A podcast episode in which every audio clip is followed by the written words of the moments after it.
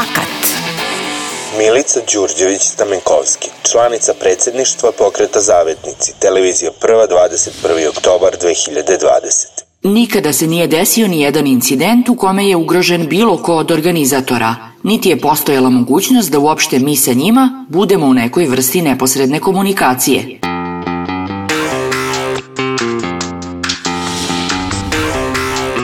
Nedavno otvaranje festivala Miredita Dobar dan ponovo je obeležila atmosfera na ivici nasilja. Dan ranije, predstavnica zavetnika Milica Đurđević Stamenkovski je u jednom gostovanju odbacila tvrdnje da je ovaj pokret ikada učestvovao u pretnjama i incidentima povodom ovog festivala. Međutim, na snimku iz 2017. godine jasno se vidi žusta razgovor Đurđević sa jednom od organizatorki festivala. Zavetnici su tada ometali jedan performans ispred Doma omladine u Beogradu. Video zapis je dokaz da je ipak došlo do neposrednog kontakta između zavetnika i organizatora festivala. Po ovu izjavu Milice Đurđević ocenjujemo kao neistinu. Ana Brnabić, predsednica vlade, televizija Pink, 26. oktobar 2020. Polovina vlade su potpuno novi ljudi. To je ono što smo hteli da uradimo zato što smo čuli ljude koji govore da neke promene su svakako potrebne. Od tih 11 ili 12 novih ministara, šest nikakve veze nije imalo do sada sa politikom, da tako kažem.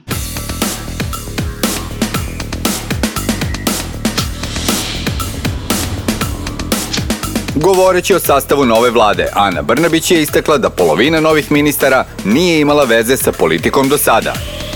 Ipak, za najmanje troje novih ministara poznato je da su imali veze sa politikom. Ratko Dmitrović je bio savjetnik Nebojša Čovića kao podpredsednika vlade Srbije. Za Gordanu Čomić svi znaju da je u politici još od 90. godina, a Anđelka Atanasković je u SNS-u od osnivanja stranke.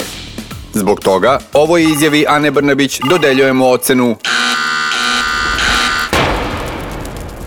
Kratke noge. Izjava ljubavi. Naravno da nikad ne bih odbio predsednika Republike.